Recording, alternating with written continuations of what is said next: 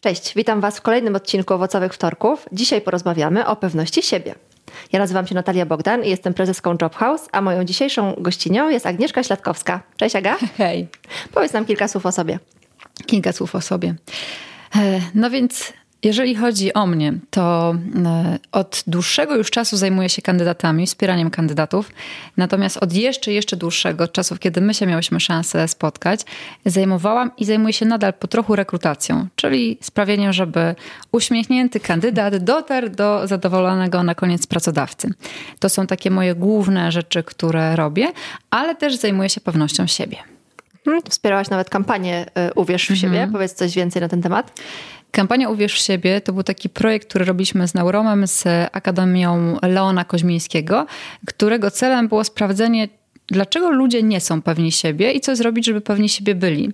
Trochę hmm. gdzieś z tyłu głowy mieliśmy kobiety, bo wiedzieliśmy, że z kobietami to jest tak, że no jak mamy dwóch kandydatów i inaczej, jak mamy kandydatkę, tak będzie, tak będzie lepiej, jak mamy kandydatkę i kandydata, mm, no to z reguły będzie tak, że ta kandydatka zachowa się w sposób inny niż kandydat, nawet jeżeli ich kompetencje są takie same. Czyli jak zadamy im pytanie, e, czy to są obowiązki, którym podołasz, to kandydat powie pewnie, okej, okay. to, jest, to, jest, to jest coś, z czym sobie dam radę.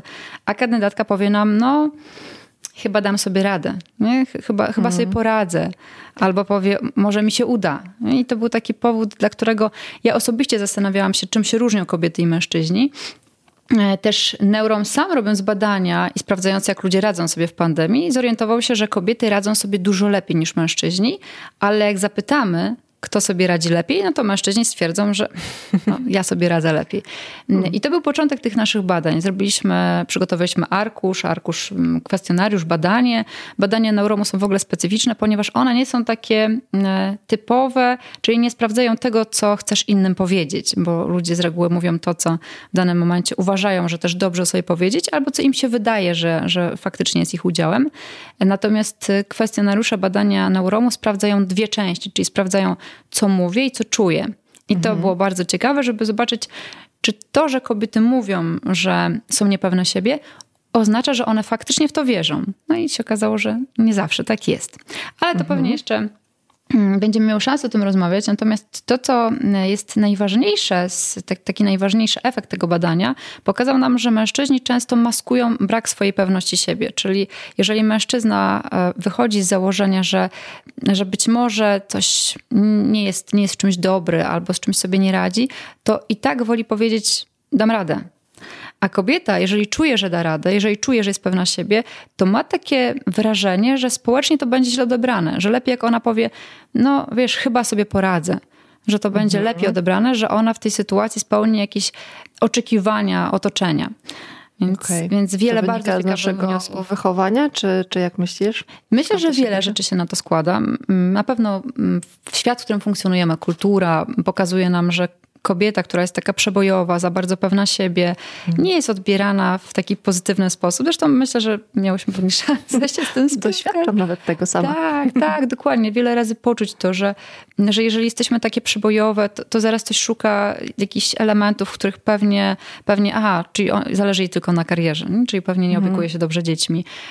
I takich elementów, gdzie kobiety są oceniane zupełnie inaczej niż mężczyźni za te same zachowanie jest masa. No nawet jeżeli mamy sytuacje, w których e, mężczyzna wypowie jakoś swoje zdanie, tak? w jakiś sposób taki, że jego zdanie powinno być takie i tak, no to jest to odbierane jako pewien profesjonalizm u kobiety. To może być buta, to może być jakiś taki brak pokory, więc no, niestety jesteśmy oceniani inaczej i to w efekcie sprawia, że też inaczej się zachowujemy. Jak to tak. zmienić? Jak to zmienić? Uświadomić sobie. Jak zaczęliśmy w ogóle e, zajmować się tym tematem pewności siebie, to bardzo mocno skupiliśmy się też na tym, co z tym zrobić. No bo wyszły nam wyniki, wyszło masę ciekawych wyników. Ja chciałabym co jakiś czas wrzucić jakąś taką mhm. ciekawą informację, bo, bo właśnie ten drugi element, czyli praca nad tym, żeby, żeby zacząć zmieniać swoją pewność siebie, musimy sobie uświadomić, jak działamy. Że jeżeli nie wiem, że coś jest nie tak, no to prawdopodobnie nic z tym nie zrobię. Mhm. Ale jeśli wiem, że, e, że działam w jakiś sposób i to ten sposób działania sprawia, że jestem na przykład nieszczęśliwa w swojej roli, no to dopiero mam szansę zamieszać tam w tym naszym, e, no, technicznie to w głowie. Takim na przykład bardzo ciekawym wynikiem tego badania było stwierdzenie, że kobiety wracające po urlopie macierzyńskim są mniej pewne siebie. I ten ten stan mniejszej pewności siebie, niższej pewności siebie utrzymuje się dosyć długo. Więc to jest nawet te 18 miesięcy, kiedy kobieta e, powinna, no właśnie, coś, coś powinno się zadzieć albo od strony organizacji, albo od strony wsparcia rodzinnego, żeby kobieta miała szansę wrócić na ten swój tor, żeby nie czuła się słabsza, tylko czuła się mocniejsza, żeby organizacja ją budowała. Sponsorem podcastu jest firma Trafit. Czy wiesz, że 60% kandydatów nie kończy formularza aplikacji, bo jest zbyt skomplikowany lub za długi? W Trafit możesz stworzyć swój własny i pytać tylko o to, co dla Ciebie najważniejsze. Przetestuj przez dwa tygodnie za darmo, a potem skorzystaj ze zniżki 50% na pierwsze trzy miesiące. Więcej szczegółów znajdziesz pod adresem www.trafit.com ukośnik VIP. Dlaczego ta pewność siebie jest mniejsza w takiej sytuacji? Bo one czują, że wypadły w jakiś sposób z obiegu, czy gdzieś tam mają w głowie cały czas te dzieci, które zostały w domu? Jak zbadaliście to? Myślę, że problemem, mm, problemem jest to, że, że z reguły widzimy wynik, czyli widzimy, że coś się zadziało. Widzimy na przykład, że kobiety wracające z macierzyńskiego są mniej pewne siebie. Mhm. E ale nie wiemy, co na to wpłynęło. Jakby możemy mieć różne mm. hipotezy i taką hipotezą na pewno jest też to, że kobiety jednak biorą na siebie dużo więcej i dużo częściej mają poczucie, że zawodzą w tych swoich oczekiwaniach. Więc jeżeli ja biorę na siebie dużo, w roli, która jest dla mnie często zupełnie nową rolą, nie spodziewałam się, że tak to będzie wyglądać. Macierzyństwo często wygląda tak, że no. człowiek sobie myśli, no nie myślałam, że to będzie aż ja tak też nie ciekawe. Tak zaskoczona. No, prawda? Że jakby, mm, że świat nas sprawdza za każdym razem i każdego dnia i w pewnym momencie kobieta, która robiła wszystko w pracy, miała sukcesy. Te sukcesy były takie bardzo wymierne. W posiadaniu dzieci sukcesy tak fulują nam cały czas. Nie jest tak, o, ale był fajny dzień. O, już nie. ale, ale mi to dobrze wyszło, a jednak nie wyszło pięć minut później. Więc to poczucie tego bycia, bycia dobrą i sprawdzającą się w ramach swoich własnych oczekiwań potrafi być bardzo zabójcze. Jeżeli my myśli, myślałyśmy przed tym macierzyństwem, że będziemy świetną matką i że w ogóle ja sobie wyobrażam, jak, jak siedzę z tymi moimi dziećmi na plaży i one się tak bawią i ja je uczę świata, a nagle to wygląda tak, że te dzieci się bardziej zabijają niż bawią wiesz, próbujesz ratować sytuację, żeby wszyscy wyszli cało z tej plaży, no to masz takie przeświadczenie, że może jednak to, to nie jest tak, że, że tak sobie to wyobrażałam. I myślę, że to jest jeden z tych aspektów, tego, że mhm. kobiety mają duże oczekiwania wobec siebie, świat ma olbrzymie oczekiwania. Zobacz, jak to fajnie wygląda. E, matka została wieczorem z dziećmi, a ojciec wyszedł z kolegami na przykład na jakieś spotkanie. Nie? Jakby nie myślisz sobie, że ona jest bohaterką, że ona nagle, wiesz, była w stanie zrobić rzecz niemożliwą, a teraz odwracamy tą sytuację. Kiedy mm. kobieta mówi na spotkaniu, no fajnie, wyszłam tutaj i możemy razem być, a mój ojciec, mój ojciec, mój, mój ojciec moich dzieci zajmuje się e, dziećmi. I, I zawsze jest takie, takie wow. został. Ale, ale, nie boisz się, ale dzwoniłaś już do domu. Nie? Jakby, też, jakby zabierania tym mężczyznom tej kompetencji, że oni nie są w stanie mhm. ogarnąć świata, ale też pokazywania, że, że role nie są równe. Że to, że mężczyzna zrobi coś, jest odbierane jako coś niesamowitego. Nie, mężczyzna na placu zabaw z dzieckiem. Przecież to jest. To musi być naprawdę świetny ojciec. Tak? A, moich dzieci tak nie robi, nie? Zawsze są takie przemyślenia, mm. więc więc myślę, że to pokazuje, że te role społeczne związane z macierzyństwem są bardzo mocno zostawione kobietom i bardzo mocno są oczekiwania, że kobieta będzie sobie z tym radzić. A jak ona ma sobie z tym radzić? Nie? Zostajemy matkami, nikt nam nie daje tej instrukcji obsługi. Proszę, a teraz zrób to. Tylko się uczymy na tych dzieciach. Trochę to pierwsze dziecko jest zawsze biedniejsze, bo bardziej eksperymentujemy, przy tym drugim trochę bardziej wiemy, ale jesteśmy bardziej zmęczone, więc, więc wszystko się utrudnia. Natomiast prawda jest taka, że, że, że nie wiemy. Tak samo jak z dziećmi nie przychodzą zastępcze części. Ja zawsze mówię moim dzieciom, dzieciom, żeby jednak uważały, bo, bo nie mamy dodatkowej ręki, którą potem domontujemy. Gdy tak samo nie przychodzi instrukcja obsługi, nie wiemy jak to zrobić, jak, jak się zachować. A świat oczekuje, że będziemy wiedziały. Hmm. Odnośnie tych różnic e, podczas rozmów kwalifikacyjnych, to zauważyłam, że tak samo jest z aplikowaniem o pracę. Że mężczyzna nawet jak nie spełnia wszystkich kryteriów, to i tak zaaplikuje, -hmm. a kobiety muszą praktycznie wszystko spełnić i jeszcze nie są pewne, czy na pewno w wystarczającym, wystarczającym stopniu. Widziałam ostatnio rewelacyjne ogłoszenie o pracę. No nie było na rynku polskim, natomiast e, był dopisek na samym dole. Ponieważ wiemy, że kobiety często nie aplikują, kiedy nie spełniają o. wszystkich wymogów, to taka wierzy dla nas to taka mhm. wskazówka, co można zrobić jeszcze. E, to nawet jeżeli czujesz, że nie spełniasz wszystkiego, ale czujesz, że to mogła być rola, w której dasz sobie radę, to sprawdzisz się, zaaplikuj. A, super. I to, I to pokazuje takiego, wiemy, że możesz się na tym zastanawiać. Jeżeli się wahasz, to, to może to jest jednak dobry pomysł, żeby to zrobić. Masz gdzieś to ogłoszenie? To chętnie podeślę ci. Tak, tak, no. tak, podeślę ci, bo bardzo to fajnie. Bardzo, bardzo, fajnie pokazane, że, że ktoś już na to wparł i, i ktoś chce wesprzeć te kobiety.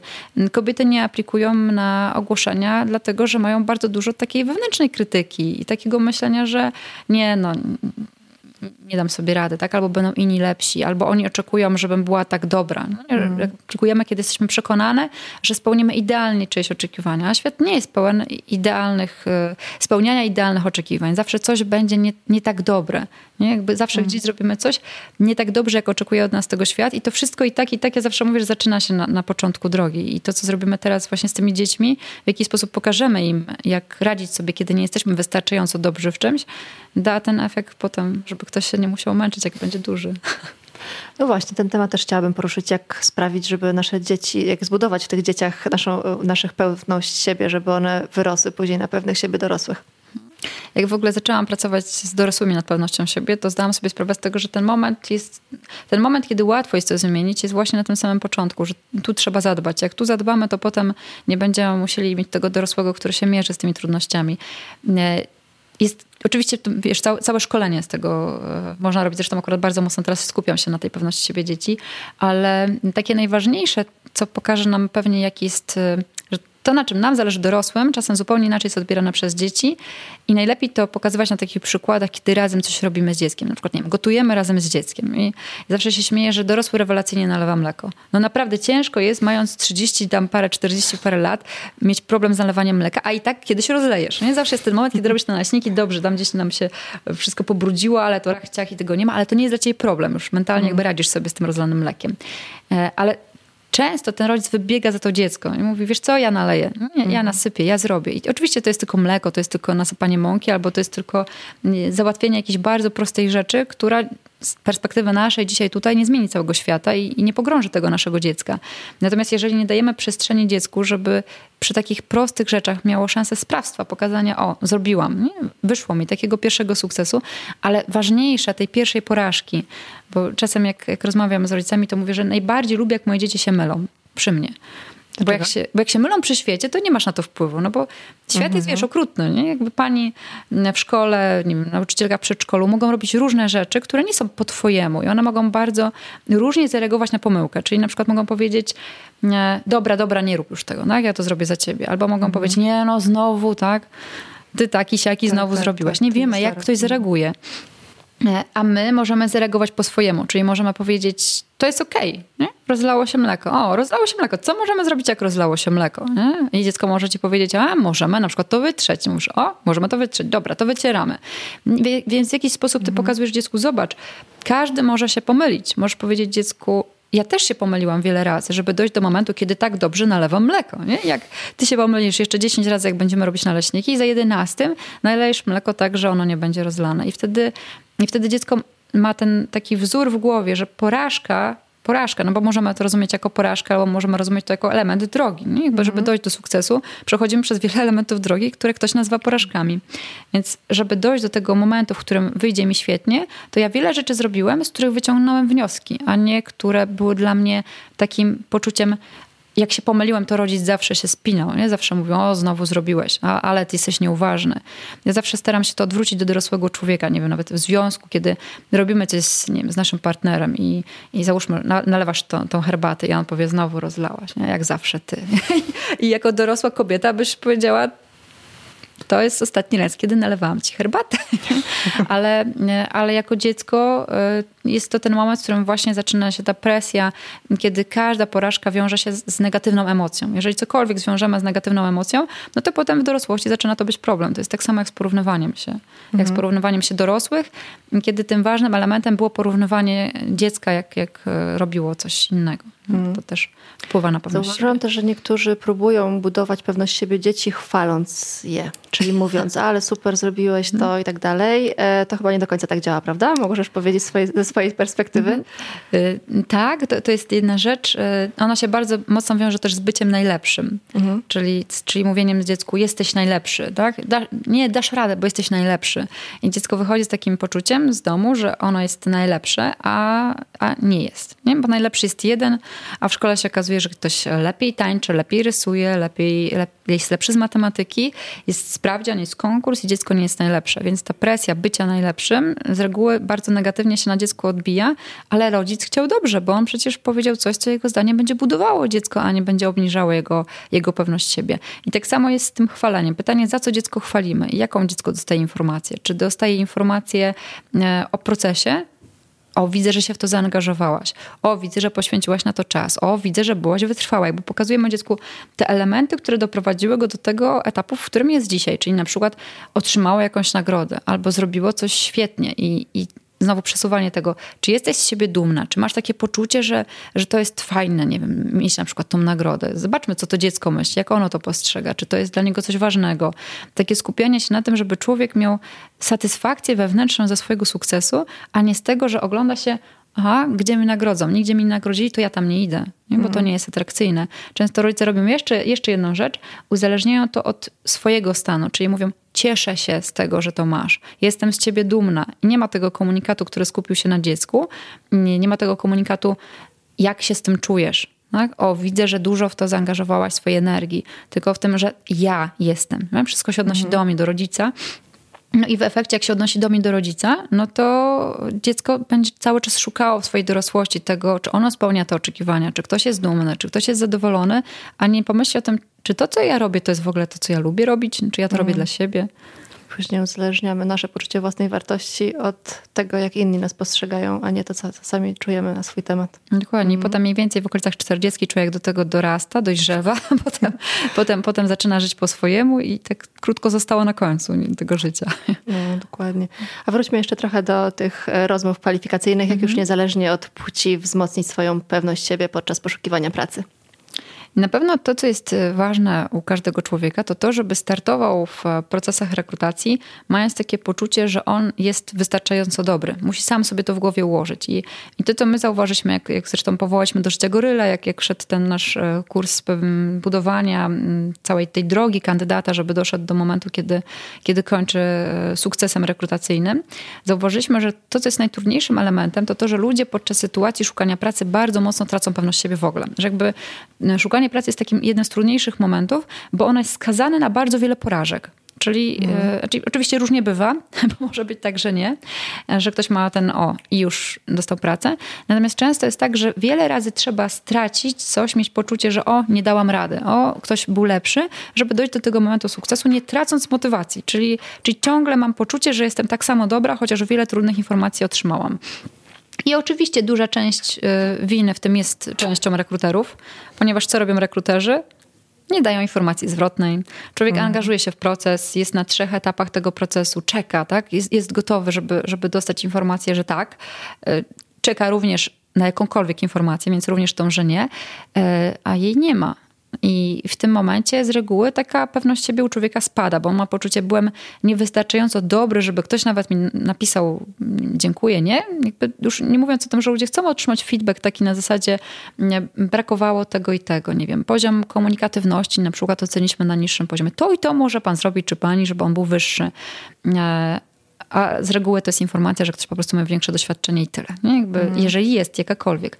Więc kandydaci przez ten proces rekrutacji często bardzo mocno zaczynają szukać takiej winy w sobie, ale nie winy, mm, nie takiej winy, która im coś daje. Takiego poczucia, dobra, jak poprawię swoją umiejętność organizacji na przykład pracy albo swoją prezencję, to mam większą szansę na sukces rekrutacyjny. Tylko takiej winy, takiej bardzo ogólnikowej. Jestem beznadziejna. Nie? Jakby mhm. nie, nie, nie jestem wartościowa Więc warto jest w ogóle mm, spojrzeć trochę inaczej na sukces rekrutacyjny. Co jest sukcesem rekrutacyjnym? Jeżeli patrzymy na sukces rekrutacyjny pod kątem tej ostatniej sytuacji, czyli y, mam sukces, kiedy dostałam pracę, no to to już jest skazane na porażkę. Ale jeżeli ja sobie spojrzę na ten sukces pod kątem każdej sytuacji, która pokazała mi, że, że dałam radę, czyli na przykład przygotowałam swoje CV, nie? dałam mhm. radę, zrobiłam to aplikowałam dzisiaj na dwie oferty pracy, ale nie zrobiłam tego wysyłając to samo CV do każdego i nie przykładając się do tego procesu, tylko, tylko usiadłam, znalazłam informację o firmie, przygotowałam wiadomość inną niż do wcześniejszego pracodawcy, skupiłam się na tym, żeby, e, żeby to było faktycznie dobre, żeby, żeby mhm. poświęcić na to czas. To jest mój sukces. Zaprosili mnie na rozmowę rekrutacyjną. To jest mój sukces.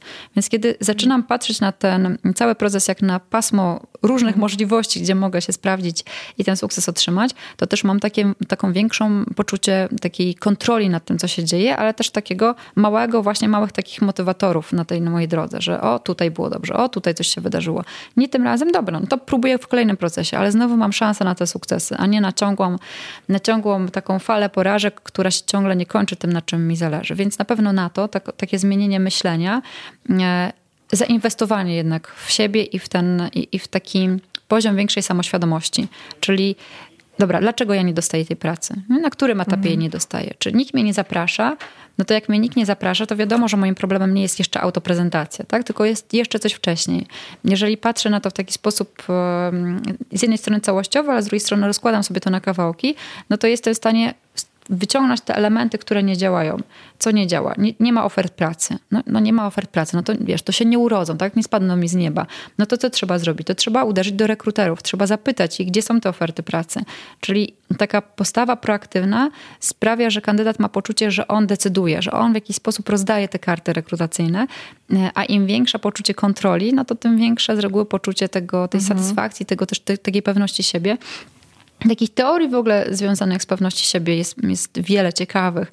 Między innymi jest taka teoria, która nam mówi o tym, o takiej klarowności ja, o tym, że jeżeli ja rozumiem siebie, jeżeli, jeżeli mm, moje przemyślenia, moje wartości, moje słabe i mocne strony są dla mnie jasne, to też dużo łatwiej jest mi się w, w tej mojej pewności siebie dużo łatwiej jest mi ją osiągnąć, dlatego że ja na przykład nie mam tych mechanizmów obronnych, które zaczną mi wszystko zaciemniać. Wiesz, to rekruter był mm. głupi. Nie, nie dostałam pracy, bo rekruter był głupi. No i co, i trafiła pani na 10 głupich rekruterów? No tak, no bo rekruterzy z reguły są głupi, więc nic dziwnego, że trafiłam na 10 po kolei, tak? No ale jakby z, z głupimi rekruterami, no oczywiście można spojrzeć na to zewnętrznie, albo można pomyśleć, że, że mm, ciężko zmienić świat na zewnątrz, łatwiej ten w środku. Więc też tym bardziej mm. kandydat będzie pewny siebie, im bardziej będzie miał poczucie, że ta zmiana zaczyna się od niego. Że jeżeli on on zmieni coś w sobie, e, to nawet głupi rekruter, już mówiąc kolokwialnie, nie będzie w stanie mu przeszkodzić w tym, żeby otrzymał pracę. A jak ten głupi rekruter może pomóc kandydatom, żeby też czuli się pewniej podczas rozmów kwalifikacyjnych? E, rekruterzy są różni, są też bardzo fajni. E, chociaż no, my przez pracę z kandydatami, kiedy zaczęliśmy otrzymywać informacje, jak, jak, kandydat wraca z rozmowy rekrutacyjnej, jak został potraktowany, to faktycznie nasze myślenie o rekruterach trochę mm, no, trochę spadło, ale, ale oczywiście, że, że rekruter może pomóc. Jakby rekruter jest osobą odpowiedzialną za spotkanie rekrutacyjne. To, to w jego ręku, jeśli nie trafi na jakiś naprawdę bardzo trudny przypadek, to w jego rękach jest to, jak ta rozmowa się potoczy i czy to będzie rozmowa, która wzmocni człowieka, czy go osłabi. Mhm. Poza naprawdę trudnymi wyjątkami. Myślę, że każdy z nas miał taką rozmowę rekrutacyjną jako rekruter, gdzie yes. tam naprawdę nie było już gruntu. Pamiętam, jak kiedyś przyszedł do mnie kandydat, który usiadł taki rozwalony na krześle i kręcił kluczykami od Mercedesa. I tak kręcił na palcu. Ja wytrzymałam tam, nie wiem, może z trzy minuty i zastanawiałam się, czy te kluczyki tak wypadną mu z tego palca i tak uderzą mnie w głowę, wiesz, czy, czy, czy jednak nie. No więc powiedziałam mu, że niestety nie jesteśmy w stanie kontynuować tak długo, jak będzie kręcił kluczykami na palcu. Nie spodobała mu się to odpowiedź i wyszedł. Więc jakby różne są przypadki. Natomiast w większości jest tak, że jednak wszystko zależy od rekrutera, jeżeli nie mówimy o skrajnościach. E, też przede wszystkim ten klimat na rozmowie. Miałam kiedyś takiego kolegę rekrutera, który decydował o tym, czy kandydat będzie dobry, czy zły po uścisku ręki. Czyli wyglądało to mniej więcej tak, że kandydat wchodził, E, witał się i on mówi do mnie 5 minut. A jak 5 minut? Mm, beznadziejna osoba, 5 minut. No nie, no to wiesz, no chociaż spróbuj 20, no jak 5 minut. No i on wracał po tych 20, mówiłam ci, no, nie miało sensu. No i była inna osoba i ja mówił, to jest, to jest mój człowiek, nie? To jest mój człowiek. Mówię, ale, ale wiesz, że, że to było, nie? On mówi, wiem, zobaczysz. I jemu się zawsze sprawdzało On zawsze wracał z informacją, że to był kandydat, który był beznadziejny i on był beznadziejny i on był świetny i on był świetny. Ja w pewnym momencie miałam takie wiesz, można mieć siódmy zmysł i mieć poczucie, że ja wiem, jak będzie wyglądał świat, no ale wydawało się to być dosyć podejrzane. Ja zaczęłam chodzić na te rozmowy. Te rozmowy były zupełnie inaczej prowadzone. Kandydat świetny dostawał świetną rozmowę w pakiecie, a kandydat beznadziejny taką, że żadna z nas nie chciałaby na nim być. Mm, to raczej I, efekt aureoli, prawda? I, wiesz, i. I, I wszystko można. Też takiego, mm, takiego przekonania, że y, aha, on się zachował tak, jak myślałam, że się zachowa. No bo jak mamy hipotezę i on spełnia tą hipotezę, ponieważ dostał taki, a nie inny, taką, a nie inną wersję rozmowy rekrutacyjnej, najlepszego kandydata, kandydata jesteśmy w stanie zestresować na rozmowie rekrutacyjnej tak, że on się będzie nam telepał i nie będzie w stanie mm. powiedzieć zdania. Tak? Taki stres na nim wywrzemy. E, a kandydata, który jest naprawdę całkiem przeciętny, który dostanie, wiesz, fajny flow, o, mam dzisiaj fajny dzień, a jak u pana? Jakby nagle się okazuje, że jest uśmiech, że jest uśmiech po stronie rekrutera i, i to wszystko fajnie działa, no to można kandydata albo wybić, albo pogrążyć. I jeżeli chodzi o takie rzeczy, które rekruter może zrobić, no to przede wszystkim być przyjazną osobą w rekrutacji, taką, z którą chce się rozmawiać, taką, która, e, która rozumie też, że to jest trudna sytuacja, że nie każdy jest y, wyżeraczem e, tutaj wiesz, rozmów rekrutacyjnych. Ja chodzę i to jest moja największa przyjemność. Tak? A dzisiaj przyszłam, przy, przyszłam do ciebie, nie? Albo, albo dzisiaj przyszłam do pani. Mm, ja na przykład y, mam tak, że jeżeli kandydat widzę, że jest zestresowany, widzę, że na przykład zaczyna mu drżeć głos, mocno jest taki, wiesz, spięty, to przecież widać, mm, przecież tak, nie mam tak. Wątpliwości, żeby ocenić już po iluś latach, że kandydat jest spięty. To mu mówię na przykład, czy chcę, żebyśmy na chwilę przerwali, czy chcę, żebyśmy o czymś innym porozmawiali, albo, albo czy chcę zacząć jeszcze raz, bo jakieś pytanie, wiesz, widzę, zakręcił się w koło, już nie jest w stanie nawet, nawet dojść do tego, o co mu chodziło na samym początku. Ja mówię, to jest okej. Okay. Każdy ma szansę, żeby jeszcze raz zacząć i każdy ma prawo zestresować się na rozmowie rekrutacyjnej kiedy my wychodzimy do kandydata z taką postawą, że, że to jest okej, okay, że ja widzę, ja nawet często staram się zdemaskować to, ja widzę, że, że pan się stresuje. Dla mnie, dla mnie to jest okej, okay. nie przeszkadza mi to, ale wiem, że panu to przeszkadza, więc spróbujmy jeszcze raz. I wtedy mhm. kandydat, jak go tak wiesz, jak, jak, jak, go rozłożysz i on mówi, no dobra, stresuje się, nie? faktycznie tak jest. Ja mówię, dobra, no to w takim razie pomyślmy czego, bo ludzie często się boją rzeczy, które które nigdy się nie wydarzą. Nie? Jakby co najgorszego może wydarzyć się na tej rozmowie? No mogę nie dostać pracy. No tak, może pan nie dostać pracy. To prawda, nie? na tym polega rozmowa. Natomiast może być też tak, że nawet jeżeli nie dostanie pan pracy, to ta rozmowa da dużo, na tyle dużo, żeby kolejny raz dostać pracę. Więc zawsze, mm. zawsze wyjście z taką ludzką twarzą do kandydata daje przestrzeń do tego, żeby ktoś po drugiej stronie czuł się dobrze sam ze sobą. No i najważniejsza rzecz, czyli rekrutacja powinna kończyć się informacją zwrotną. I i rekruter jest tylko człowiekiem, i to jest jasne. I myślę, że każdemu z nas naprawdę ciężko znaleźć rekrutera, który ma staż pracy w rekrutacji, pewnie gdzieś zbliżony taki jak my. Ja czasem, jak mam zajęcia ze studentami, to zaczynam sobie przeliczać, mm, a ponieważ już w tym wieku człowiek zaczyna odliczać, e, kiedy skończył studia i potem przelicza to na, na swój obecny wiek, żeby odliczyć, ile ma tych lat doświadczenia. Więc ponieważ e, miałam zajęcia ze studentami przedwczoraj, to sobie poprzeliczyłam wszystkie swoje doświadczenia Ile już się zbierało? I, i, I poza tym, że przez, za każdym razem mnie to zaskakuje, że się tyle nas zbierało. E, ja rozmowy rekrutacyjne prowadzę od lat 15, więc, e, więc to, to jest już tak dużo, że jestem w stanie znaleźć w tych 15 latach rozmowy, w których nie dam człowiekowi odpowiedzi zwrotnej na czas, mhm. na który, w którym się umówiliśmy. I zdarzyło mi się to nie dużo razy, ale, ale nie, na, na tej palce pewnie, no myślę, że, że jedną rękę zamknę. E, ale wracałam z informacją, przepraszam. Wydarzyło się to i to, przepraszam, nie wiem. Wiesz, czasem jak człowiek goni, nie wiem, tutaj idziesz do przedszkola, okazuje się, że dziecko jest chore, tu coś, jakby i wpadłaś w koło, do 16 miała być informacja zwrotna, tak? ale nie masz jej, bo miałaś jeszcze zadzwonić do klienta, klient nie dał ci mhm. odpowiedzi. No wiesz, jak różne rzeczy się zdarzają, bo rekruter też jest człowiekiem. I wtedy mówię, przepraszam. E, miałam dzisiaj, nie wiem, trudny dzień prywatnie. Nie byłam w stanie wszystkich rzeczy pogodzić ze sobą. Nie zdążyłam otrzymać odpowiedzi od klienta. Zrobię wszystko, co w mojej mocy, żeby ona była jutro. Hmm. Nie? Jakby i, ta szczerość. Nie? I to jest okej. Okay. Tak myślę, że to jest okej. Okay. Natomiast nie okej okay jest udanie, że nic się nie stało i tej odpowiedzi nie ma nigdy. I kandydat zostaje z takim poczuciem, że jest beznadziejny i że sobie potem z każdą rekrutacją coraz trudniej radzi, bo, bo my jesteśmy poniekąd odpowiedzialni za to, tak myślę, żeby człowieka jako rekruter wypuścić wzmocnionego, a nie osłabionego. A nie takiego, wiesz, stłamszonego, mm, rozjechanego walcem emocjonalnie, bo on musi umieć wstać i pójść na kolejną rozmowę. I na kolejnej rozmowie mm. musi mieć w końcu ten sukces. Nie? Dokładnie tak. A z perspektywy kandydata, jak radzić sobie z pewnością siebie na przykład podczas trudnych e, pytań? Takie pytanie na przykład o pana wady. Mhm. Nie, nie lubię pytania o wady. To, to mam taką, taką listę to jest pytań, takie pytanie, które zadaję. Tak. od razu podkopuje pewność siebie, bo jednak musimy uzewnętrznić coś, czego często się wstydzimy, co jest naszą mhm. słabszą stroną, no ale takie pytanie dosyć często pada. Więc I zawsze sobie... wtedy pada pracoholizm w odpowiedzi. kiedyś kiedyś e, stwierdziłam, że Polska to mniej więcej jest takich 90% e, pracoholizmu, ponieważ jak kandydaci, jak, jak z nim pracowaliśmy, ja mówię, no dobra, no, ja nie zadaję pytania o wady, to jest, to jest jedno z pytań, których nie zadaję, e, ale rekruterzy je zadają, więc ja cię przygotuję na pytanie o, o wady. No i mówię, dobra, jaka jest twoja wada? Jaką byś podał, czy podała? I w 9 na 10 to jest właśnie pracoholizm. E, z czego pracoholizm jest udziałem w Polsce, nie może z 10% ludzi, więc jakby to nie do końca odzwierciedla sytuację. No ale bo to taka dobra wada, bo wiesz, bo to znaczy, że ja robię więcej, bo firma będzie chętna. No nie, no pracoholizm to choroba, tak? To, to jest sytuacja, w której e, organizacja będzie tracić w pewnym momencie, jeżeli człowiek nie będzie w stanie się zorganizować i poradzić sobie swoim własnym pracoholizmem, szczególnie jeżeli wynika ona z takiego dezadaptacyjnego perfekcjonizmu. Więc oczywiście konsekwencji mamy czy wypalenie zawodowe, czy depresja. Żaden pracodawca ani pracownik nie chce przecież takich konsekwencji.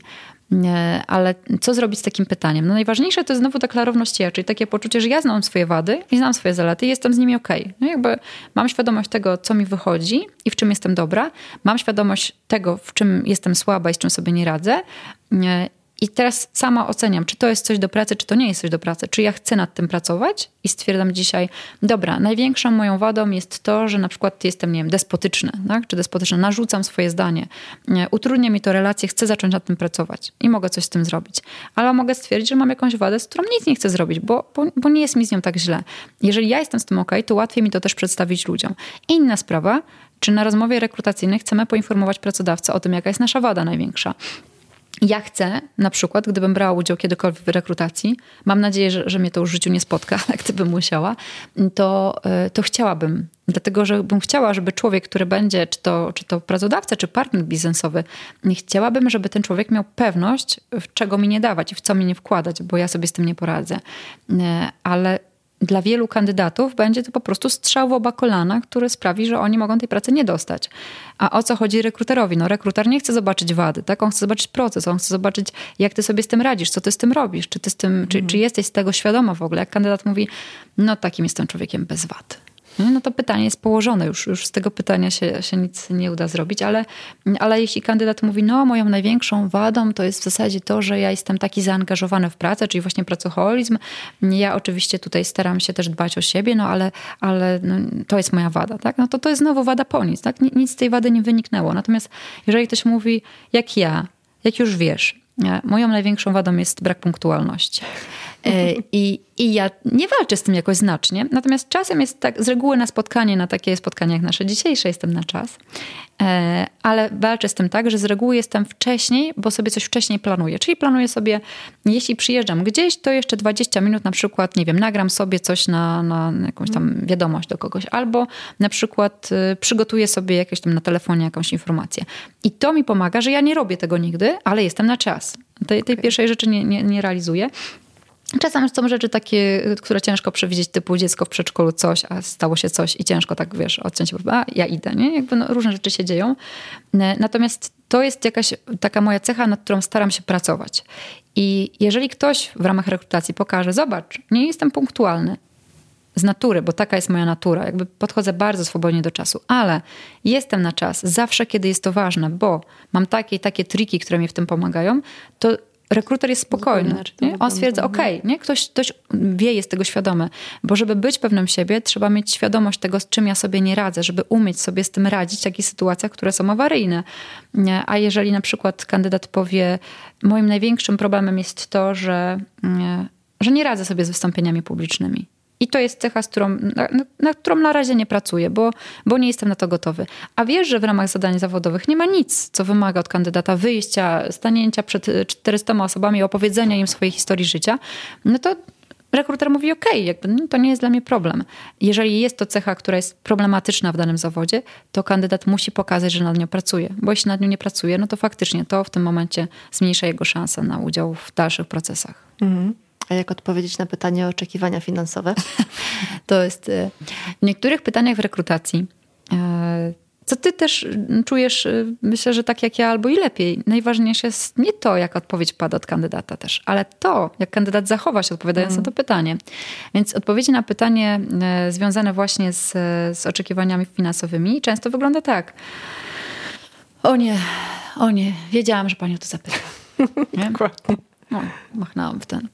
E, no tak, z reguły rekruter pyta o to, jeśli kandydat ma szansę udziału w dalszych e, etapach rekrutacji. No tak, a ja bym wolała nie odpowiadać. I zaczyna się robić sytuacja taka trochę niezręczna, no bo jednak finalnie rekruter chce wiedzieć, jakie wynagrodzenie będzie też satysfakcjonujące dla kandydata. Ja mogę powiedzieć pani, czy ono się mieści w widełkach. Ja mogę nawet powiedzieć te widełki, ale ja muszę wiedzieć, jakie są oczekiwania kandydata, bo, bo kandydat może być zadowolony z jakiejś kwoty lub nie. I często jest tak, że jeżeli kandydat na przykład mówi, nie wiem, chciałabym zarabiać 5 tysięcy netto, a rekruter mówi, no, no u nas to jest 4 tysiące. I kandydat mówi, no dobra, dobra, no, no dobrze, okej, okay, nie? niech będzie. E, I co robi ten kandydat często? On szuka pracy za 5 tysięcy netto. Mm. I zanim dojdzie do sytuacji, w której już mamy go w pracy albo skończył okres próbny, on już ma tą ofertę za 5 tysięcy. Dlatego rekruter lubi wiedzieć, jakie są oczekiwania kandydata, żeby wiedzieć, czy one się mieszczą w tym, co firma może dać i czy kandydat będzie zadowolony, dostając to, a nie inne wynagrodzenie. Więc często w 99% wypadków to pytanie na rozmowie rekrutacyjnej padnie ze strony firmy i jakoś trzeba się do niego odnieść. Więc teraz jak? Najważniejsze tak, żeby to nie było mm, pytanie, które wydaje nam się bardzo mm, krępujące, które jest dla nas niekomfortowe. Rozmawianie o pieniądzach jest elementem pracy. No, pracujemy za pieniądze. Może ja zawsze mówię, że za pieniądze, a nie dla pieniędzy bo to jest ważne, żebyśmy pracowali dla innych idei, a, a, nie, a nie dla pieniędzy, ale za pieniądze jak najbardziej.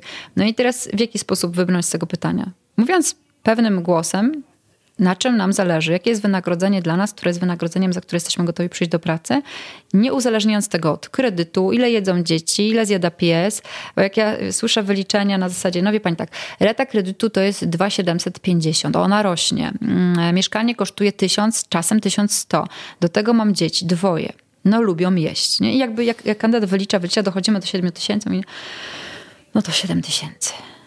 I teraz aż głupio zapytać, czy można to negocjować. No bo co zapytać, czy można to negocjować? To oznacza finalnie, czy to dziecko jedno może mnie jeść, nie? Czy, czy, czy jest szansa jakaś, że ona, nie wiem, będzie na przykład tydzień babci. jakby, jakby głupio coś z tym zrobić, więc, więc rekruter już nie wie, jak się zachować w tej sytuacji po drugiej stronie. A finalnie rekrutera nie interesuje to, ile jedzą dzieci, czy ktoś ma psa i czy dużo płaci za mieszkanie, tylko interesuje go to, czy kandydat jest w stanie wycenić swoją własną wartość, którą, którą chce otrzymać za swoją pracę.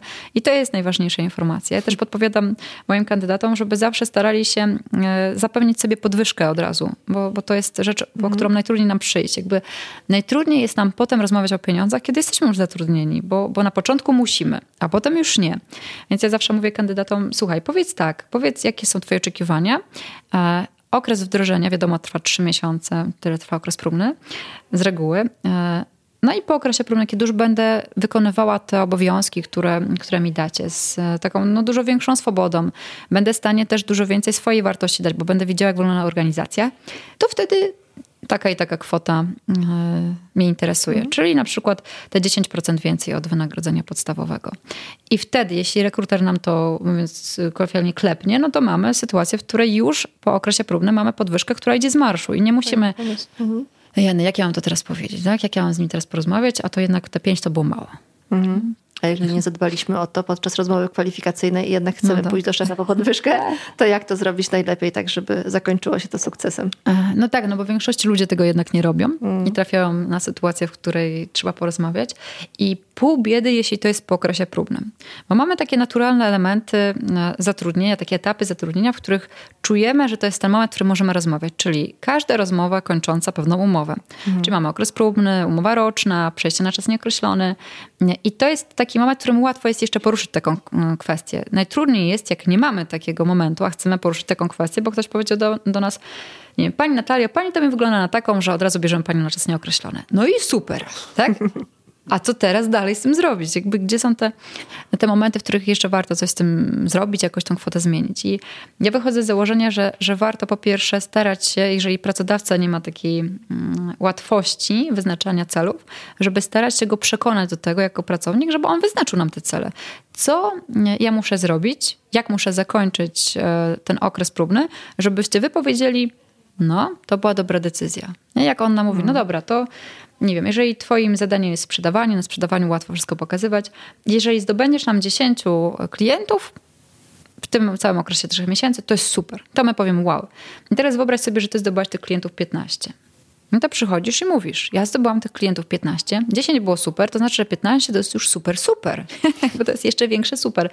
E, czyli to oznacza, że idzie mi lepiej niż myśleliśmy, że, że będzie szło, tak? I wy, pewnie i ja. Ja się odnalazłam, włożyłam dużo zaangażowania w to, żeby i dużo pracy, żeby poznać firmę, poznać produkt. E, chciałabym, żeby za tym poszło moje wynagrodzenie finansowe. Nie? Czy jesteśmy w stanie, czy ponieważ organizacja ma większy zysk, to jesteśmy w stanie porozmawiać o tej, o tej kwocie jeszcze raz. Jeśli organizacja ma zysk, jeżeli pokażemy organizacji, dlaczego ona na nas zarabia, albo w którym, w którym miejscu na nas zarabia, to jest dużo większa szansa, że organizacja będzie gotowa mm, zgodzić się na taką podwyżkę, na większe wynagrodzenie, bo ma świadomość tego, no dobra, no jak Natalia odejdzie, no to będzie trochę słabo. Bo, bo 15 klientów w 3 miesiące, to znaczy, że kolejnych x klientów w kolejne miesiące nie będzie. Trzeba kogoś wdrożyć. Ten ktoś e, no, może być słabszy, więc organizacja widzi, że to po prostu jej się nie opłaca. Pracodawcy, tak jak wiesz, płacą za to, żeby otrzymać pewną wartość. Jeżeli otrzymują tą wartość, jeżeli czują, że że organizacja straci bez tego człowieka, że on zarabia na tą organizację, że, że ja mam dzisiaj na koncie jako pracodawca, nie wiem, 20 tysięcy więcej, tylko dlatego, że ten pracownik do nas dołączył, a on ma 3 miesiące, tak co będzie, jak on będzie miał 2 lata, to jesteś gotowa zapłacić więcej. Jeżeli, jeżeli nie masz nie wiem, za co ja mam ci zapłacić. Tak? No jesteś, jesteś, włożyliśmy dużo czasu, żeby cię nauczyć. Na razie nic nie umiesz, ale ja nie wiem, za co ja mam ci zapłacić. Tak? Jeszcze więcej. Tak? Mhm. Pokaż mi to. Jeżeli mamy taką wątpliwość, czy my y, zarabiamy dla organizacji dużo, mało, to, to nie zawsze jest wymiernek sprzedaży. Tak jak mamy y, firmę, to często firma się dzieli na dział sprzedaży i całą resztę darmozjadów, którzy nic nie robią. I teraz dział sprzedaży mówi, no, utrzymujemy ten biznes. A, a człowiek, który wykonuje finalnie jakąś pracę, mówi, no, no ale zaraz, jak, jak wy utrzymać ten biznes? Przecież jak ja nie zrobię, no to nie będzie. Tak, jak ja nie zrekrutuję tego kandydata, to co z tego, że ty sprzedasz proces rekrutacji? Poza tym, mhm. że sprzedanie procesu rekrutacji przy rekrutacji na, na, na tym rynku nie, nic nie oznacza. No, dokładnie. Więc, więc mm, czym ja zarabiam dla organizacji? Co ja robię i czym organizacja zyskuje. I w każdej branży to może być coś innego. Jeżeli robimy proces rekrutacji, no to mamy świadomość tego właśnie tej policzalności. Człowiek oznacza wynagrodzenie dla firmy. Jeżeli jeżeli robię coś mniej przeliczalnego, takiego, nie wiem, najtrudniejszego, dobra, wypełniam tabelki w Excelu. I to jest też właśnie, jak pracodawcy mogą wspierać pewność siebie pracownika. Człowiek jest pewny siebie e, według kolejnej teorii, bo tych teorii trochę jest. Mamy chociażby teorię związaną z taką koherencją, z takim poczuciem takiej spójności, te, takie, takiego poczucia, że ja sobie poradzę, bo świat jest dla mnie w jakiś sposób przewidywalny, gdzie mamy trzy elementy. Jednym z tych elementów jest sensowność tego, co robię, czyli, czyli to, co robię, ma sens. I jak mamy takiego pracownika, który e, przeklepuje Excela, ja nam wpisuje w Excela tabelki, robi tabelki klientów, tak? sprawdza tych klientów, analizuje, czy oni się nadają, czy nie. No ale finalnie robi Excela.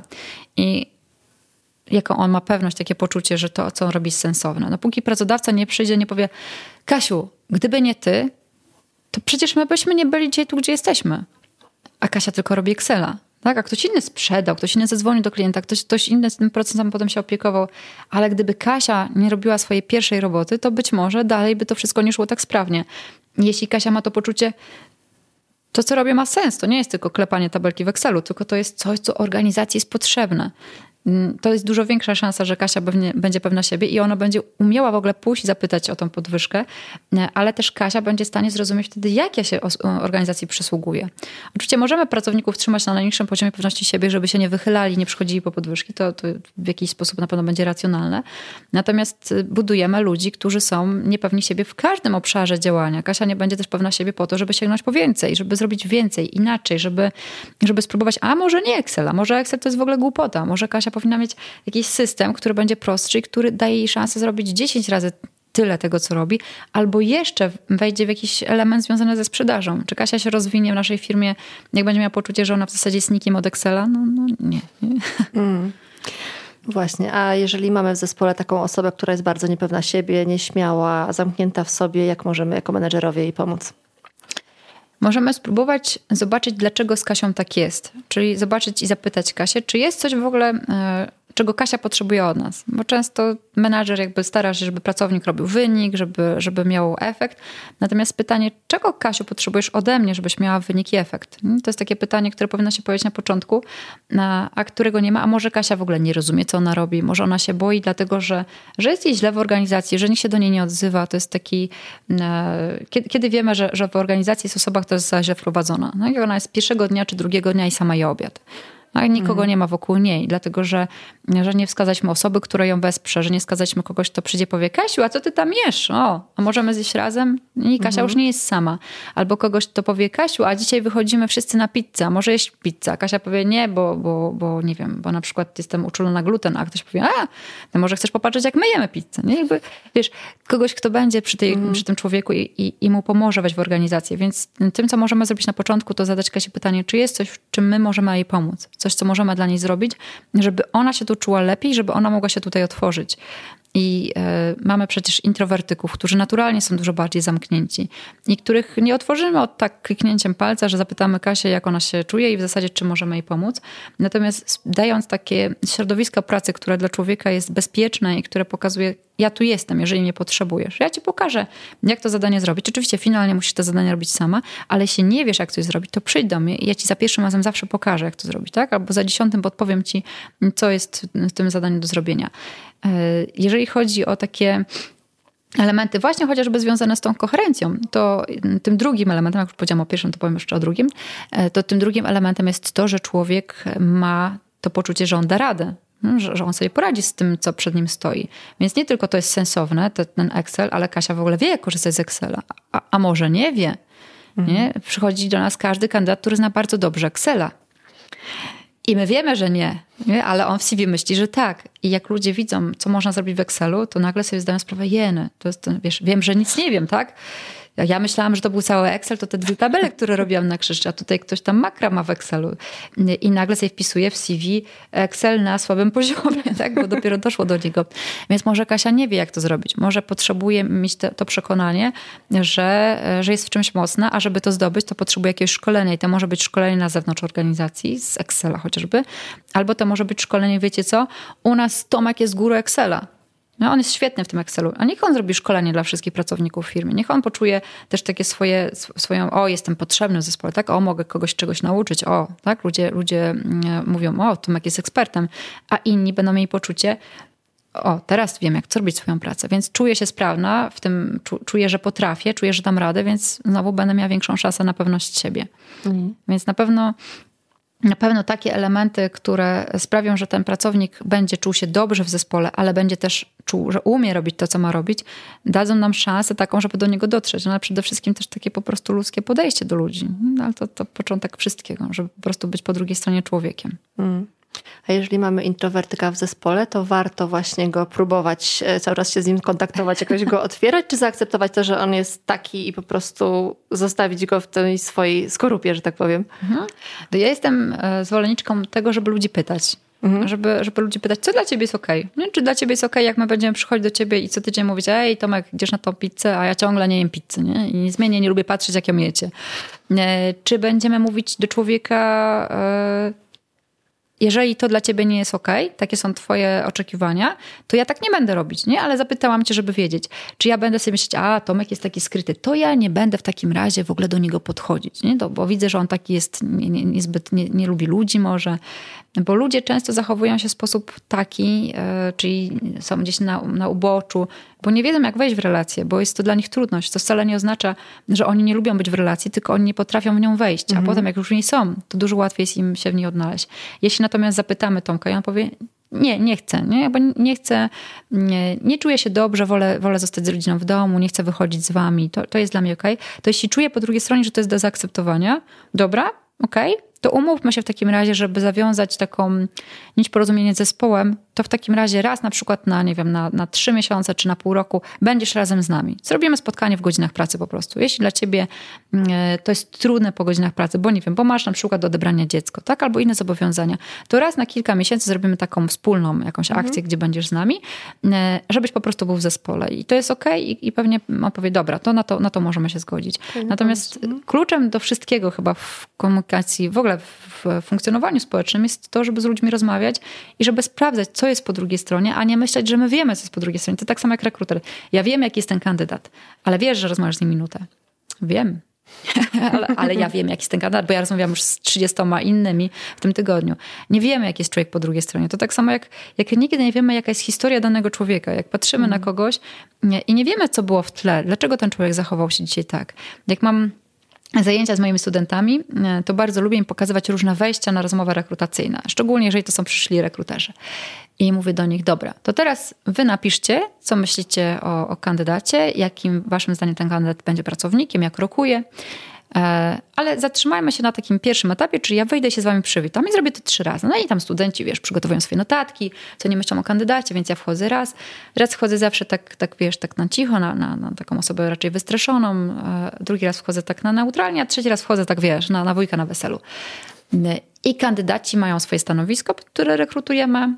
E, często to jest jakieś stanowisko związane też z kontaktem z klientem albo handlowe i mają niesamowite historie tego człowieka. Oni już wiedzą o nim wszystko, wiesz, wszedł, przywitał się, to było, ja wiem, może z 10 sekund, no wiesz, krótki czas. Ja mówię do nich potem, ale zauważyliście, że to byłam ja cały czas, nie? że to był ten sam człowiek. No tak, no tak, ale, ale pani, czy tam ty, bo czasem jesteśmy na ty, odgrywałaś po prostu różne role. Nie wie, tak. A wiecie, że za tymi drzwiami, zanim weszłam, mogło się wydarzyć wiele rzeczy. Na przykład za pierwszym razem takie historie, które ja szczególnie bardzo na nie cierpię, czyli na przykład y, telefon z przedszkola, nie wiem, dziecko rozbiło sobie głowę i ty jesteś dokładnie w drzwiach rozmowy rekrutacyjnej. No, no dobrze, to ja będę za pół godziny. nie? Hmm. Ale, ale, ale co, nie wejdziesz? Nie masz za co płacić rachunków, y, nie masz, nie masz jak funkcjonować, to jest twoja rozmowa, ona jest hmm. dla ciebie ważna. Oczywiście, gdybyś była asertywna, mogłabyś powiedzieć, Przepraszam bardzo, ja sobie mm, tutaj bardzo chciałam do Państwa przyjść, ale właśnie się dowiedziałam, że dziecko rozbiło głowę, czy my możemy się umówić na, na jutro, bo może się zszyje.